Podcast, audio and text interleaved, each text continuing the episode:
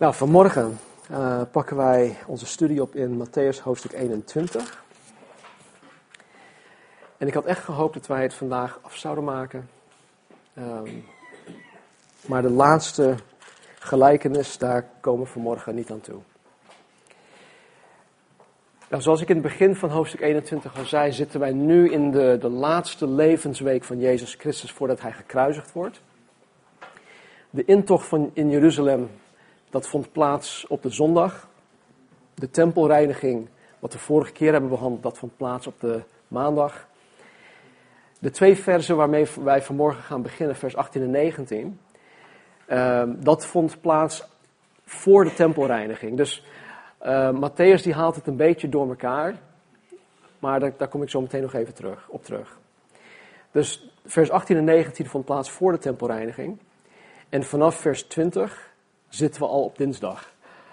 Dus even voor uh, jullie die uh, dat interessant vinden om de dagen echt te volgen. Nou, de reden waarom ik dit aangeef, is omdat Matthäus in zijn schrijven, geloof ik, meer geïnteresseerd is in het overbrengen van de inhoud van zijn boodschap, dan de exacte chronologische volgorde van deze gebeurtenissen. Want als je het, het parallelverslag van Marcus 11 leest, dan zie je een, een duidelijke chronologische volgorde. Mar Marcus die houdt het wel echt aan. En Marcus geeft ook aan dat Matthäus 21, 19 op de maandag plaatsvond. Dat staat er ook gewoon. Niet maandag, maar dat het dus daarvoor gebeurde. En dat Matthäus 21, 20 op dinsdag plaatsvond. Dus voor jullie die dat interessant vinden, krijgen jullie dit mee. Gratis. Goed, vers 18. Uh, s morgens vroeg, toen hij terugkeerde naar de stad, kreeg hij honger, Jezus. En toen hij een vijgenboom langs de weg zag, ging hij er naartoe en vond er niets aan dan alleen bladeren. Hij zei tegen hem, laat er aan u geen vrucht meer groeien in eeuwigheid. En de vijgenboom verdorde onmiddellijk, tot zover. Nou, alhoewel dit in het evangelie van Matthäus dus na de tempelreiniging staat, hè, dus qua verzen, gebeurde dit voor de tempelreiniging, terwijl Jezus op weg was naar Jeruzalem om dan de tempel te gaan reinigen. En dit was nogmaals de maandagochtend. Jezus die vanuit Betanië onderweg was naar Jeruzalem, die komt s morgens vroeg een vijgenboom tegen. En omdat er geen eetbaar vrucht aan, aan hing, vervloekt hij het. En als je dat dan op, eerste gezicht leest, dan heb je zoiets van, waarom doet hij dat nou? Dat is toch zo niet als Jezus. Zo ken ik hem eigenlijk niet. En het lijkt onterecht. Vooral als je het stuk ook in Marcus leest, want in Marcus 11 staat dat het nog geen, het was nog eens tijd voor vijgen. Dus waarom doet hij dat?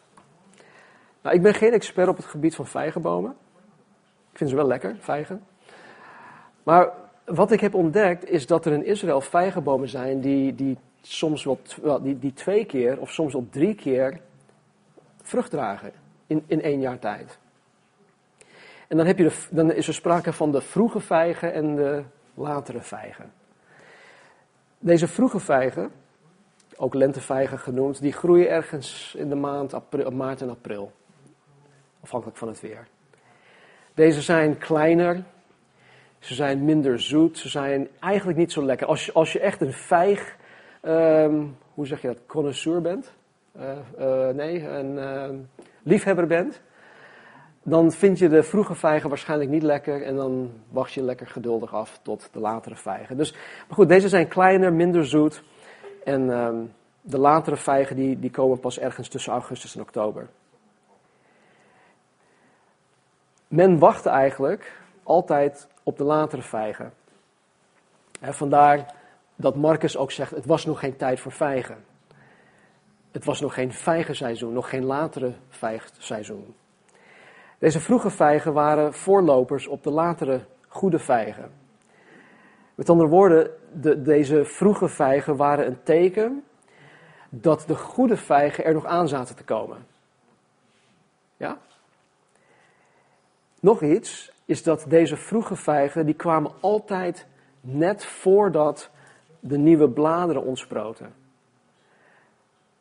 Dus heel vreemd. Eerst komen de vruchten, dan pas de bladeren. Maar goed, zo is dat. Ik heb het niet zelf verzonnen. Dus toen Jezus deze vijgenboom tegenkwam, en het volgens Marcus 11 ook vol bladeren zat, dat staat er ook, had Jezus terecht verwacht dat het deze vroege vijgen zou dragen. Maar niet dus. En doordat het geen vroege vijgen droeg, zou het uiteindelijk ook geen latere goede vijgen gaan dragen. En vervolgens vervloekt Jezus de vijgenboom. Nou, dit is trouwens de enige keer in de evangelie dat Jezus zijn, zijn kracht of zijn goddelijke macht gebruikt om iets te vernietigen. En misschien denk je van, ja, maar hoe zit het dan met die zwijnen? Nou goed, hij had die demonen toestemming gegeven om in die zwijnen te gaan. Eh, maar Jezus heeft niet direct die zwijnen vernietigd. Maar goed, dit is de enige keer. Nou weet je, ik, ik geloof echt niet dat het Jezus hier om vijgen gaat. Dat lijkt me een beetje, een beetje kinderachtig. Ik denk dat het, dat het om een belangrijke les ging. Een les die hij aan zijn discipelen op dat moment wilde leren. Ik weet niet of jullie dit weten, of jullie dit ook um, hebben gelezen, of dat het jullie opgevallen is. Maar Israël wordt vaak in het Oude Testament omschreven als een vijgenboom. Of als een wijngaard. Soms zelfs als een olijvenboom of olijftak. Het was Gods wil en Gods bedoeling dat Israël vruchtbaar was de natie, het volk Israël, dat was de eerste kerk. Niet zoals wij dat nu kennen, maar het was een, een, een, een, een, een, ja, een samenkomst van mensen, Joodse mensen, die uiteindelijk de bedoeling meekregen van God om God aan de mens te brengen. God wilde Israël gebruiken om van de God van de Bijbel een getuige te zijn. God wilde door Israël heen de heidenen bereiken. Maar doordat het Jodendom afgestapt was van hun, hun liefdesrelatie met God, en dat ze dat inruilden voor een dode religie, gaf Israël wel de indruk dat zij echt godsdienstig waren, maar het was allemaal schijn. Het was allemaal schijn. En ze hadden als het ware alleen maar een hoop bladeren, maar ze droegen geen vrucht. Jezus kwam drie jaar eerder al naar Jeruzalem toe toen had hij ook de tempel gereinigd. En hij deed dat omdat zij toen al geen vrucht droegen. Nu, drie jaar later, is er nog steeds geen enkel teken van vrucht. Jezus reinigt de tempel weer. En omdat Israël geen vrucht droeg, gebruikte Jezus zijn vervloeking over deze vijgenboom als een voorbeeld van zijn veroordeling over Israël dat komen zou in 70 na Christus. Dat staat niet omschreven in de Bijbel, maar als je buiten Bijbelse historische boeken leest, van onder andere Josephus en andere uh, geschiedschrijvers, dan weet je dat uh, de Romeinse keizer, Titus heet hij volgens mij, ja, Titus, die, um, die had ervoor gezorgd dat alles in Jeruzalem, de tempel, steen voor steen gewoon met de vlakte gelijk gemaakt werd. Dus hij gebruikt dit als een, een voorbeeld. Nou, begrijp me goed. Deze veroordeling is niet blijvend over Israël. God is niet klaar met Israël. Er zijn leerstellingen gaande, vooral in de, de hypercharismatische wereld, die zeggen dat Israël, um, dat God klaar is met Israël en dat de gemeente, de kerk, eigenlijk nu geestelijk Israël is. Maar dat is niet zo. God heeft nog steeds een plan met Israël. En ja, Misschien moet je het zo zien, uh, Israël zit momenteel in de koelkast. Maar er zal een moment gaan komen wanneer God Israël weer zal gaan bereiken, wanneer God Israël zal gaan gebruiken om het evangelie van Jezus Christus te gaan uh, verkondigen. Hij is niet klaar met Israël. Lees Romeinen hoofdstuk 9, 9 tot en met 11 trouwens. Romeinen 9 tot 11. Hoofdstuk 9 tot 11. Nou goed, God, God wil dat wij christenen, wij hier vanmorgen, dat wij vrucht gaan dragen. En weet je, hoe ik dat zie, God wil als het ware met ons pronken. Wij zijn de kroon van zijn schepping. En nou, je weet, als, als ouder zijnde, als je net je kindje hebt gekregen, nou, dan is jouw kindje natuurlijk het allermooiste wat er is. Mooier dan alle andere kinderen om je heen, dan je buren, je andere familie, je neefjes, nichtjes. En ik zie dat ook als God. God wil met ons, met zijn kinderen pronken. God wil aan de wereld laten zien dat, dat, dat hij leeft, dat hij onvoorwaardelijk van mensen houdt. En hoe doet hij dat? Hij doet dat door middel van zijn gemeente, de kerk. En God heeft er per se voor gekozen om zijn liefde aan de wereld bekend te maken door, door jouw leven heen en door mijn leven heen. Dat is gewoon plan A. Er was geen plan B. Wij zijn plan A. Wij zijn het plan.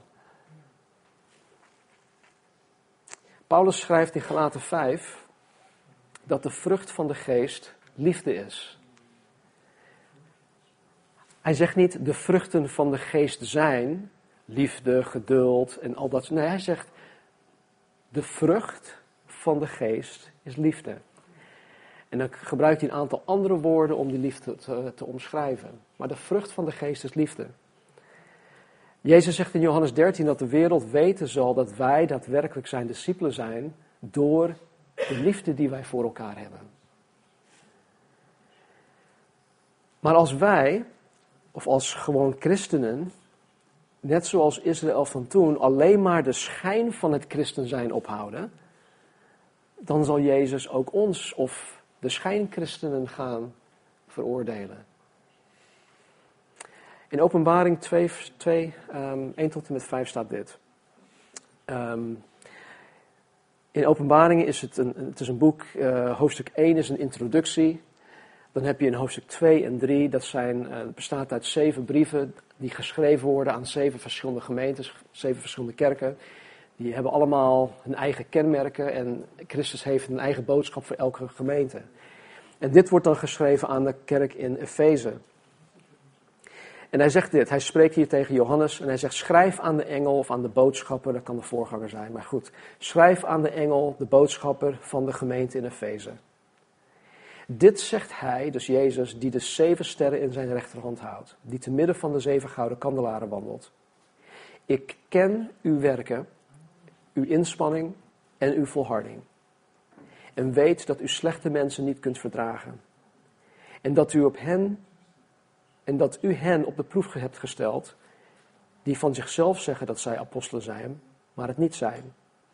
En dat u hebt ontdekt dat zij leugenaar zijn. En u hebt moeilijkheden verdragen en volharding getoond. Om mijn naam hebt u zich ingespannen en u bent niet moe geworden. Maar, en nu komt het. Maar ik heb tegen u dat u uw eerste liefde hebt verlaten. Soms hoor ik in de wandelgangen, niet hier, maar gewoon over het algemeen, onder christenen, dat men zegt dat er sprake is van, oh ja, je kan je eerste liefde verliezen. Nee, de Bijbel zegt dat niet. Hier zegt Jezus, nee, ik heb dit tegen jou, je hebt je eerste liefde verlaten. Het is een duidelijke keus geweest. Je bent er niet kwijtgeraakt van, oh, hey, waar is mijn liefde nou? Nee, je hebt het verlaten. Het is een bewuste keus.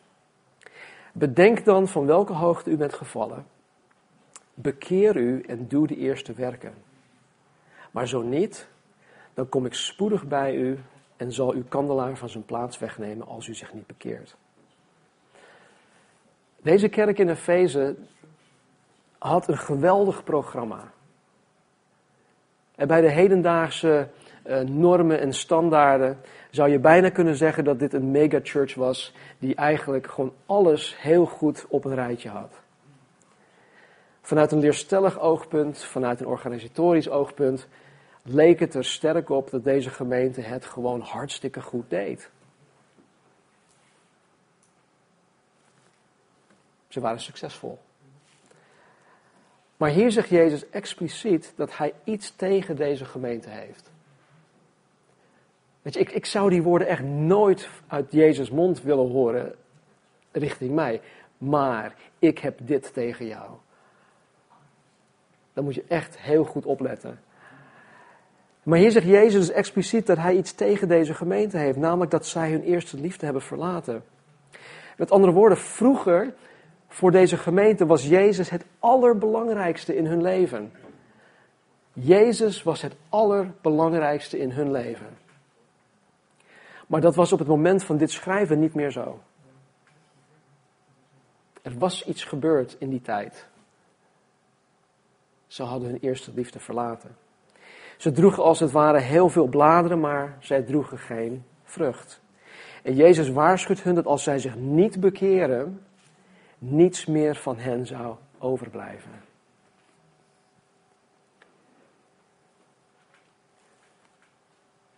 Er is vandaag de dag geen gemeente in Efeze meer.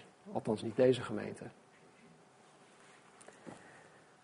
Weet je, ik bid dat de Heer ons echt zal behoeden van het kerkje spelen. Als jullie mij ooit die richting in zien gaan, dan wil ik jullie vragen om gewoon boven op mij te springen en gewoon elkaar te slaan als dat nodig is. Om te zeggen van, joh, waar ben je nu mee bezig? Dat de Heer ons zal behoeden van het kerkje spelen. Nou goed, dat was maandagochtend. Nu gaan we naar dinsdagochtend. Vers 20. Toen de discipelen dat zagen, verwonderden zij zich en zeiden: Hoe is de vijgenboom zo ineens verdord?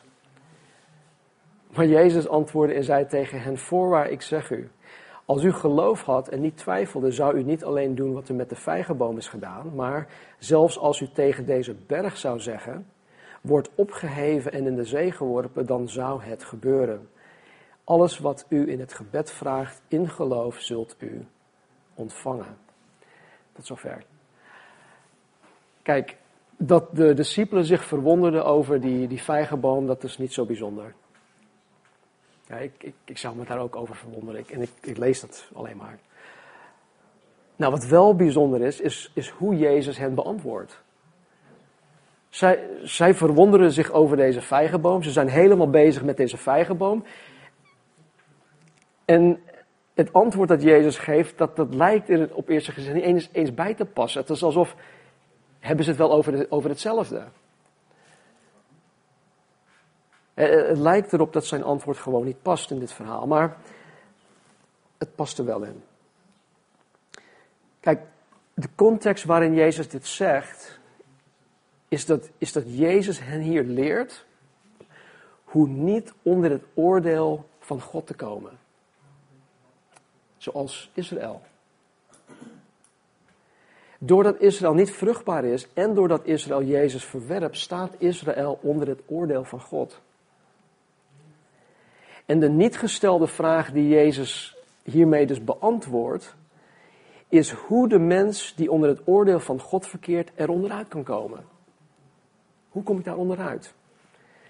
En waar dat op neerkomt, is dat geloof de enige manier is om onder Gods oordeel uit te komen, om Gods oordeel te vermijden. Geloof in Jezus Christus, de enige manier. In die tijd sprak men binnen de rabbijnse kringen, en dat waren dan mannen die zich alleen maar met de Torah bezighielden, de profeten. In die kringen sprak men van een tussen aanhalingstekens, verzetter van bergen. Iemand die bergen kon verzetten. En zo'n verzetter van bergen was dan een rabbijn die de allermoeilijkste teksten uit het Oude Testament wist uit te pluizen. En dat hij het begrijpelijk voor zichzelf kon maken en dat hij het ook aan anderen begrijpelijk kon maken. En tegenwoordig zouden wij dat zien als een echt een, echt een gezalfde leraar van God. à Charles Spurgeon van twee eeuwen geleden. Weet je, dus zo'n iemand was dan niet letterlijk een verzetter van bergen, maar zelfs de onmogelijke, de, onmogelijke teksten zou zo'n persoon uiteen kunnen zetten. In het Bijbelboek Zacharia, dat is een van de kleine profeten, krijgt een zekere Zerubbabel, of Zerubabel, ik weet niet hoe je dat zegt. Hij krijgt een onmogelijke taak om de tweede tempel in Jeruzalem te gaan bouwen. En nadat de eerste tempel verwoest was, geraakt. En in Zacharia 4, 6 en 7 staat dit. Dit is het woord van de Heer tot Zerubabel. Niet door kracht, niet door geweld, maar door mijn geest, zegt de Heer van de legermachten. Dat kracht en geweld, dat spreekt van menselijke inspanning, dat spreekt van menselijke inzicht, mensenwerk. Maar hij zegt, het is dus niet door mensenwerk, nee, het is door mijn geest, zegt de Heer van de legermachten. En dan, dan staat dit, wie bent u grote berg? Voor de ogen van Zerubabel zult u een vlakte worden. In dit stukje wordt Zerubabel door God bemoedigd dat het bouwen van de tempel door Gods geest zelf bewerkstelligd gaat worden en niet door menselijke kracht. En dan zegt hij, wie bent u grote berg? Voor de ogen van Zerubabel zult u een vlakte worden. Hiermee zegt God dat door het geloof alle obstakels die Gods werk eventueel in de weg zou kunnen staan, door God verwijderd zou worden. Met andere woorden, niets en niemand, geen enkel obstakel zal God in de weg staan in het verwezenlijken van zijn plan om de tempel te laten bouwen. Ja, dus een verzetter van bergen. Het is niet letterlijk. Jezus bedoelde dat ook niet letterlijk. Voorwaar, voorwaar, ik zeg u, als u geloof had en niet twijfelde, zou u niet alleen doen wat er met de vijgenboom is gedaan, maar zelfs als u tegen deze berg zou zeggen, wordt opgeheven en in de zee geworpen, dan zou het gebeuren. En alles wat u in het gebed vraagt in geloof, zult u ontvangen. Nou, ik geloof dat wat Jezus zijn discipelen hier wil leren, is hoe zij, zijn discipelen, dus niet alleen zij, maar ook wij, alle obstakels die een vruchtbaar geloofsleven in de weg zouden kunnen staan, uit de weg kunnen ruimen. En Jezus verbindt het geloof hier met wat? Met gebed. Hij verbindt het geloof met gebed. Jezus zegt, alles wat u in het gebed vraagt, in geloof, zult u ontvangen. Nou, dit is, we hebben het hier al vaker over gehad, maar dit is geen carte blanche, dat weten jullie. Dit is geen carte blanche. Dit is wel een garantie dat wanneer ik in geloof naar de wil van God bid, ik het van God zal gaan ontvangen. En hoe weet je dan als je naar Gods wil bidt? Nou, als ik bid van Heere, ik wil u dienen, geef mij daartoe de mogelijkheid. Nou, ik geloof echt dat dat een gebed is naar Gods wil. Heren, u hebt mij geroepen om voorganger te zijn, hè? la Ralf vorige week. Leid mij alstublieft daarin. Ik wil u daarin gehoorzamen. Nou, dat is een gebed naar Gods wil. Hij zal dat gegarandeerd gaan verhoren. Absoluut.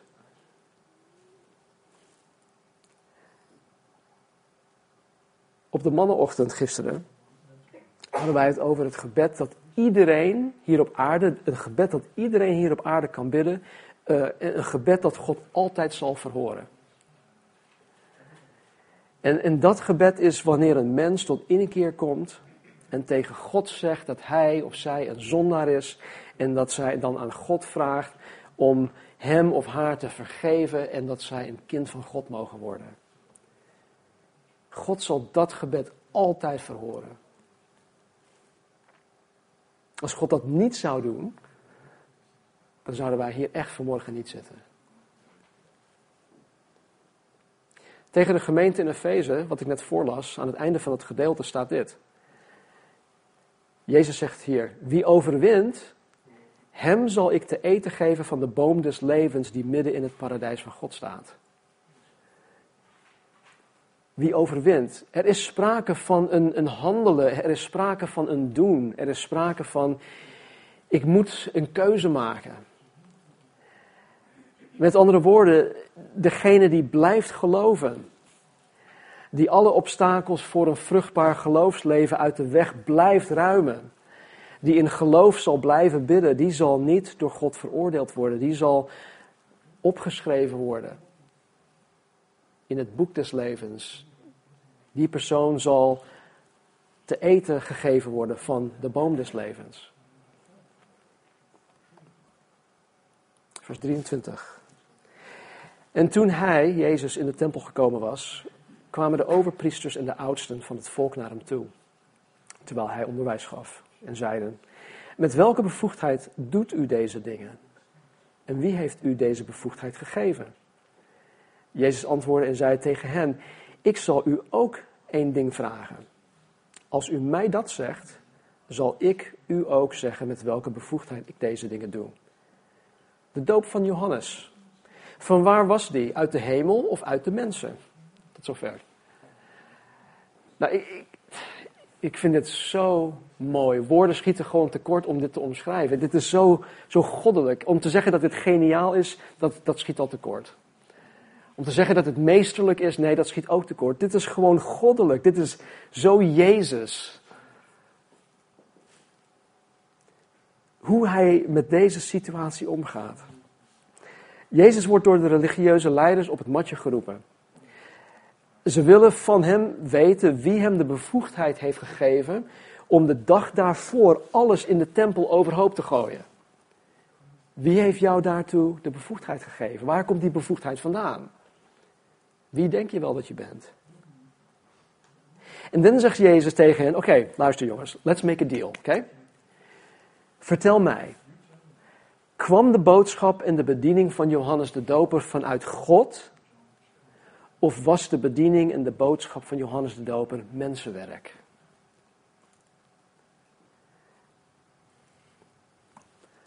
Kijk, Johannes de Doper riep men op om zich te bekeren, want de komst van de Messias was nabij. Hij was de voorloper van de Messias.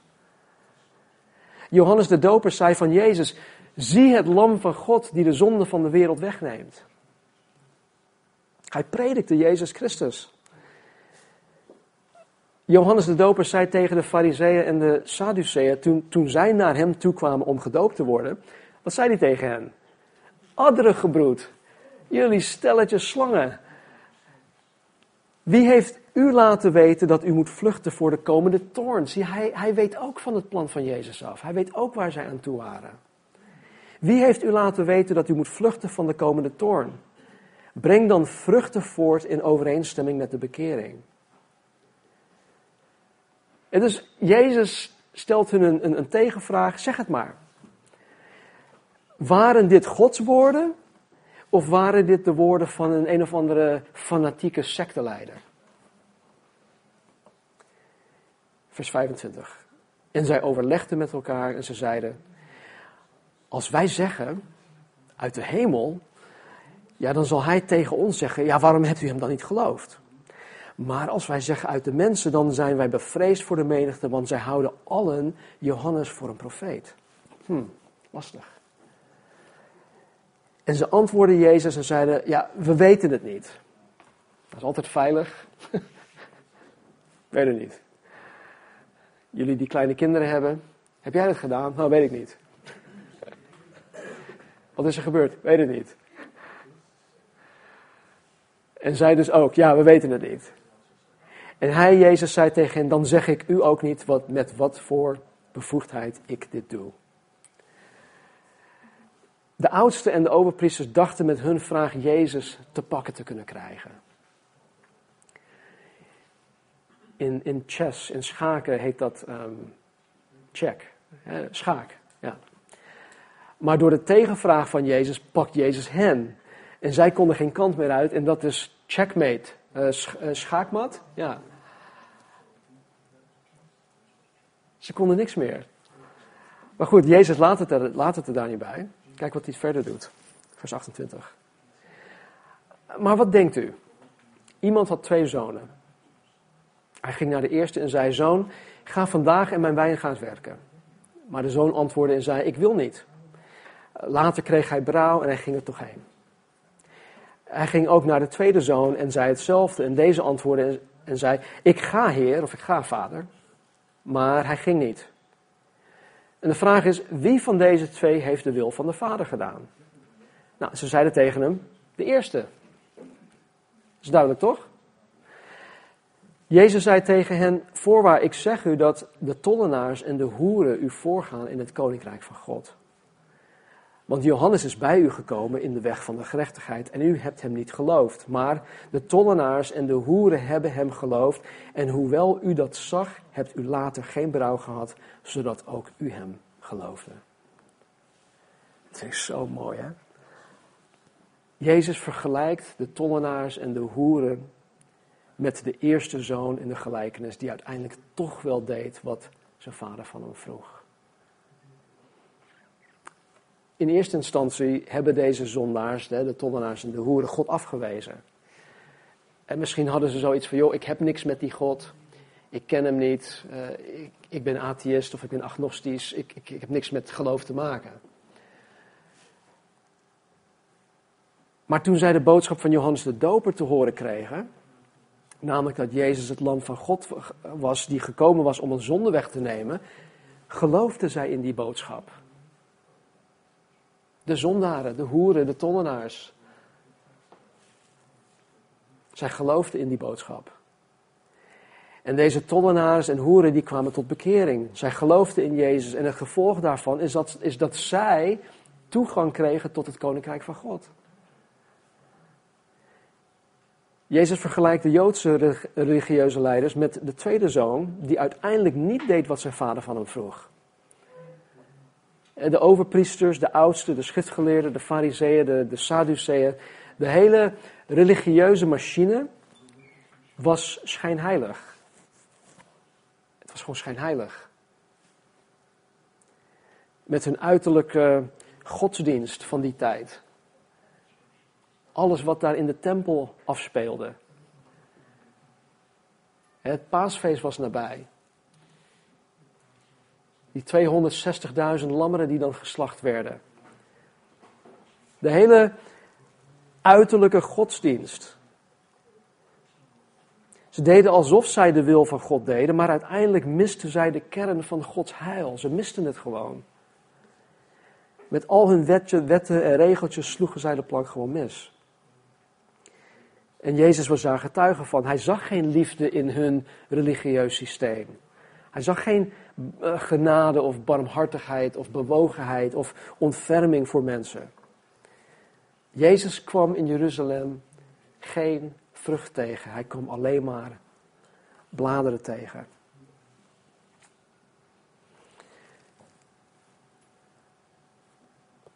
Weet je, ik, um, dat stukje over de, de hoeren en de tollenaars, hè, dat, dat Jezus gewoon zegt, hé, hey, luister.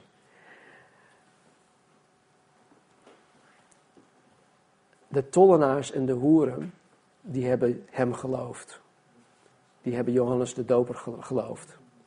En ik zeg u dat de tollenaars en de hoeren u voorgaan in het koninkrijk van God. Weet je, ik geloof dat ik, dat wij ook religieus kunnen worden in ons denken. Wij, wij kijken misschien naar mensen die, die verkeerde keuzes maken in het leven. Waardoor zij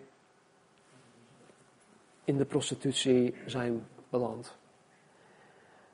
Eh, of um, ik, ik, las van de week een artikel over Katy Perry. Een, een, mooi stukje, echt e-, eerlijk geschreven. Ik weet niet of jullie Katy Perry kennen. Goed, artiest, vrouwelijke artiest. Zingt onder andere een lied, I Kissed a Girl and I Liked It. En maar zij is een dochter van een voorganger. En dat, dat, dat sprak mij best wel aan, want ja, ik heb ook dochters, ik ben ook voorganger. En in dat artikel stond, um, volgens mij was, was in, het kopje stond er iets van um, hoe God tot Katy Perry spreekt of iets dergelijks. Nou, jullie weten dat in Amerika de Super Bowl uh, het grootste sportevenement is uh, voor de Amerikanen. Amerikaans voetbal. En tijdens de, het Super Bowl evenement, tijdens de, dat heet dan de halftime show, tussen de eerste en de tweede helft uh, komen artiesten en die komen daar dan een, ja, een soort, die geven dan een show, een, een optreden. Michael Jackson heeft het ooit gedaan, Janet Jackson, uh, nou, Lady Gaga volgens mij ook. En goed, er zijn heel veel die dat gedaan hebben. En deze keer was het Katy Perry.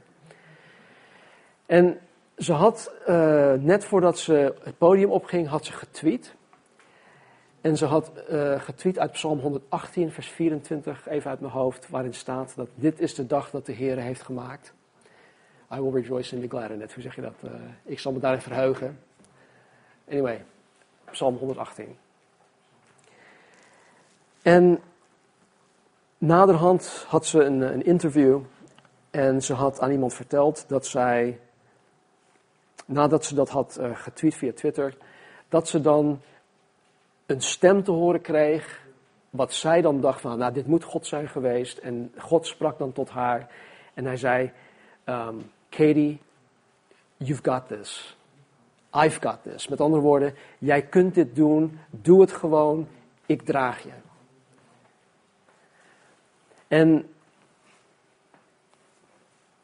dat heeft zoveel ophef veroorzaakt in de evangelische wereld in de Verenigde Staten.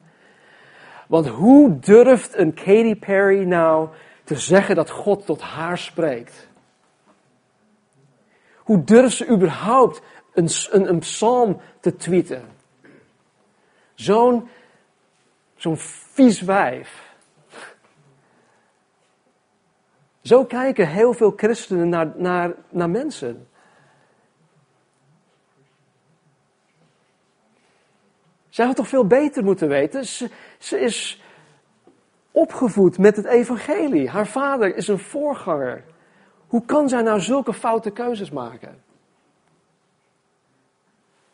Weet je, dit, dit, dit, dit sprak me echt aan. Want soms voel ik me ook als een fariseer of als een, een schriftgeleerde of als een saduceer. En ik, ik wil absoluut niet dat wanneer iemand hier de kerk inkomt, en dan maakt niet uit wie het is, dat zij het gevoel krijgen dat zij niet waardig zijn om hier te zijn. En dat maakt, het maakt niet uit wie het is.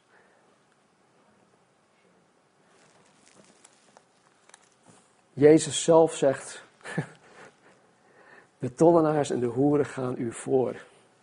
Of ze zullen u voorgaan in het koninkrijk van God. Het doet me ook denken aan de vrouw die betrapt was in het, uh, op heterdaad betrapt was in het plegen van overspel. Ze stond op het punt om haar te stenigen. En wat doet Jezus? Hij zegt: Oké, prima. Het staat in de wet. Eigenlijk hoort de man er ook bij te zijn. Maar goed, jullie doen je eigen ding. Oké, de eerste, degene die geen zonde heeft, die mag de eerste steen werpen. Toen begon Jezus in het zand te schrijven. We weten niet wat hij schreef. Ik heb zelf het sterk het vermoeden dat hij zegt van oké, Bert Pol, dit heb jij gisteren nog gedaan. Stanley, dit heb jij gisteren nog gedaan. Bert liet zijn steen vallen. Stanley liet zijn steen vallen. En één voor één lieten ze allemaal hun stenen vallen. En ze vertrokken. Toen was alleen nog Jezus er samen met die vrouw. En die zegt van, joh, waar zijn jouw aanklagers nu? Ja, ze zijn er niet meer. Ook ik klaag jou niet aan. Ook ik veroordeel jou niet.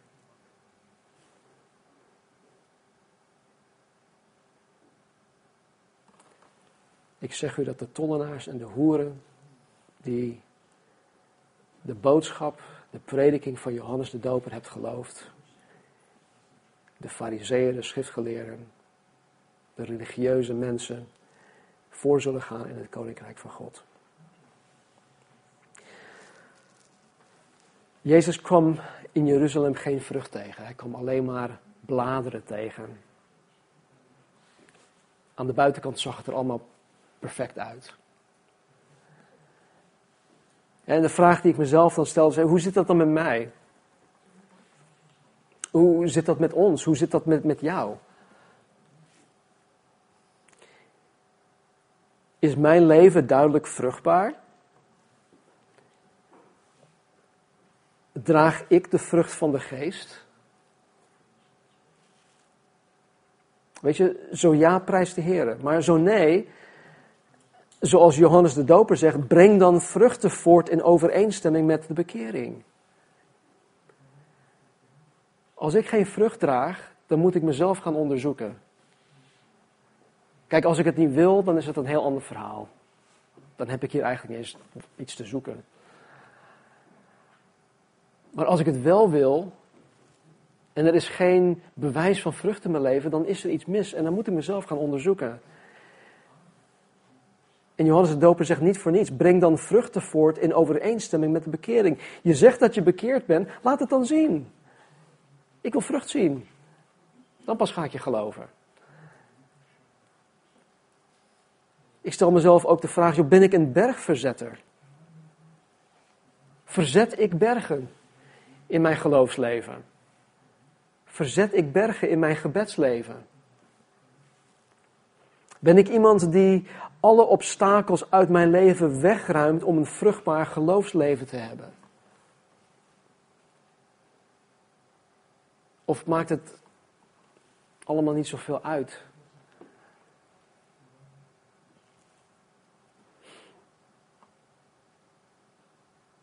Bid ik naar Gods wil voor mijn leven? Durf ik naar Gods wil te bidden? Of is het voldoende om een christen te zijn, maar toch nog gewoon ja, mijn eigen leven leiden?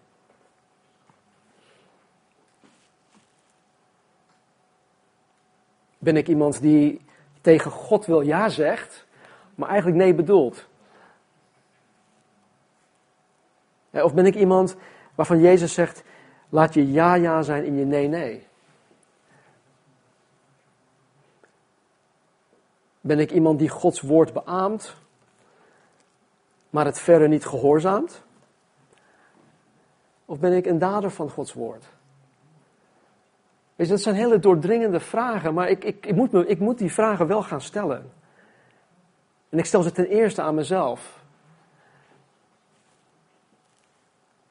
God wil verder met mij. God wil dat Christus in mijn leven gestalte krijgt. En God gebruikt alles in mijn leven. Ook wat er vanmorgen nu aan het gebeuren is met Kendall en met mijn kleinzoon. God gebruikt dit allemaal om mij meer op Christus te laten lijken. Hoe het in zijn werking gaat, weet ik niet, maar ik weet zeker dat God alleen het allerbeste voor mij voor heeft. Die zekerheid heb ik. Wil ik Hem navolgen? Wil ik mezelf verlogen en mijn kruis opnemen? Als ik dat wil, dan ga ik bidden naar Zijn wil. Dan gaan dingen in mijn leven gebeuren. Dan komt er een hoop op mijn bord. Er zijn consequenties. Maar daartegenover is een leven dat, dat niet te omschrijven is in woorden. Het is zo heerlijk. Het is zalig. Jezus noemt het zalig. Zalig is hij of zalig is zij. Er zijn geen woorden in de menselijke taal die een leven met God eigenlijk kan beschrijven. Een leven in gehoorzaamheid. Oké. Even kijken. Kunnen we nog verder gaan of niet? Nee, laten we het hierbij houden. Volgende week pakken we het op bij eh, vers 33.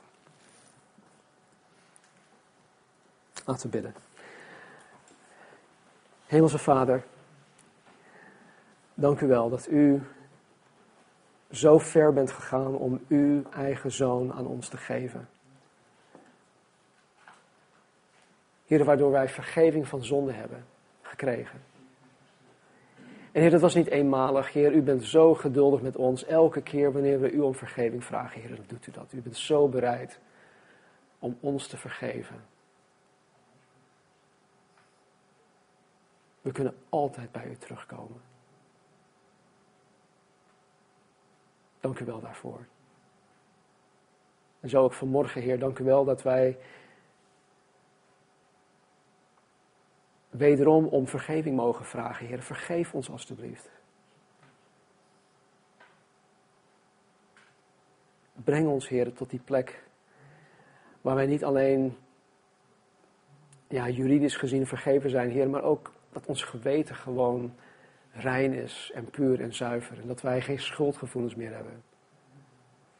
Laat ons vanmorgen gewoon met een schone lei beginnen. Dank u wel, Heer, dat u zo ver bent gegaan om het mogelijk te maken dat wij, dat wij vrucht mogen dragen. Heer, dank u wel dat ik, dat wij als gemeente plan A zijn in uw economie. Heer, dat wij geen um, plan B zijn. Of dat u zegt van, oh nee, dit is mislukt en nu moeten we, maar, moeten het maar met Sten gaan doen. Of we moeten het maar met die gaan doen of die. Nee, Heer, u hebt mij gekozen, u hebt ons gekozen om uw plan te volbrengen. Dank u wel daarvoor. Dank u wel dat u ons ook in staat stelt om vrucht te dragen. Veelvoudig vrucht. Vervul ons, Heer, met uw geest. Heer, laat ons onderworpen zijn aan uw heerschappij. Help ons om vanmorgen, Heer, die keus te maken. Misschien, Heer, om opnieuw met u te gaan wandelen. En help ons, Heer, om daarin vastberaden te zijn en te blijven. En daarin te volharden, Heer. Laat ons, wat Jezus ook zegt in, in Openbaring 2, help ons te overwinnen. Help ons om onszelf te overwinnen. Help ons om alle obstakels, Heer, uit de weg te ruimen. Heer, opdat wij een een vruchtbaar geloofsleven zullen leiden. Opdat u in en door ons leven heen verheerlijk zal worden. Opdat mensen naar ons zullen kijken en, en zeggen en zich afvragen van wat hebben jullie nou? Wat jullie hebben, dat wil ik ook. O Heer, breng opwekking, Heer, in een ieder van ons als individu. En Heer, een gemeente, breng opwekking hier in Nederland. Gooi hier alles overhoop, Heer. opdat wij vruchten zullen dragen, heren, in, in overeenstemming met bekering. Dank u wel. Zegen ons, heren. Dank u wel dat u zo liefdevol bent. Dat u zo begaan bent met een ieder van ons. Dat u zo geïnteresseerd bent met hoe het met ons gaat. Dus heren, waar we troost nodig hebben, Heer, troost ons alstublieft. Trek ons naar u toe. Waar we bemoediging nodig hebben, Heer, bemoedig ons. Waar we uw kracht nodig hebben, Heer, geef ons alstublieft kracht. U bent en blijft innerlijk met ontferming bewogen over uw kinderen. Dank u wel daarvoor. En help ons ook te zijn zoals u bent. In Jezus' naam. Amen. Gaan we nog iets zeggen? Ja, oké. En laten we gaan staan.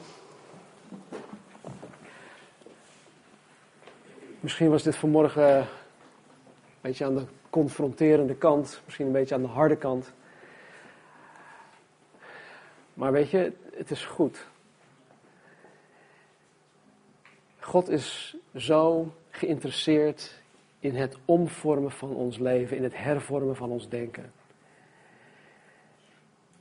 En als ik ja, alleen maar de dingen uit de Bijbel haal die, waarvan ik denk van nou, dit vinden jullie vast wel leuk. Dan doe ik eigenlijk niet wat jullie nodig hebben. Wat wij nodig wat ik nodig heb. Dus wees bemoedigd. Dat jullie uitgedaagd zijn. Stel jezelf die vragen. En bid naar Gods wil. God wil dat jullie naar Gods wil bidden. En hij zal het doen. Leer ook gewoon, vraag ook gewoon aan God, Heer, ik, ik weet niet hoe ik naar u wil moet bidden.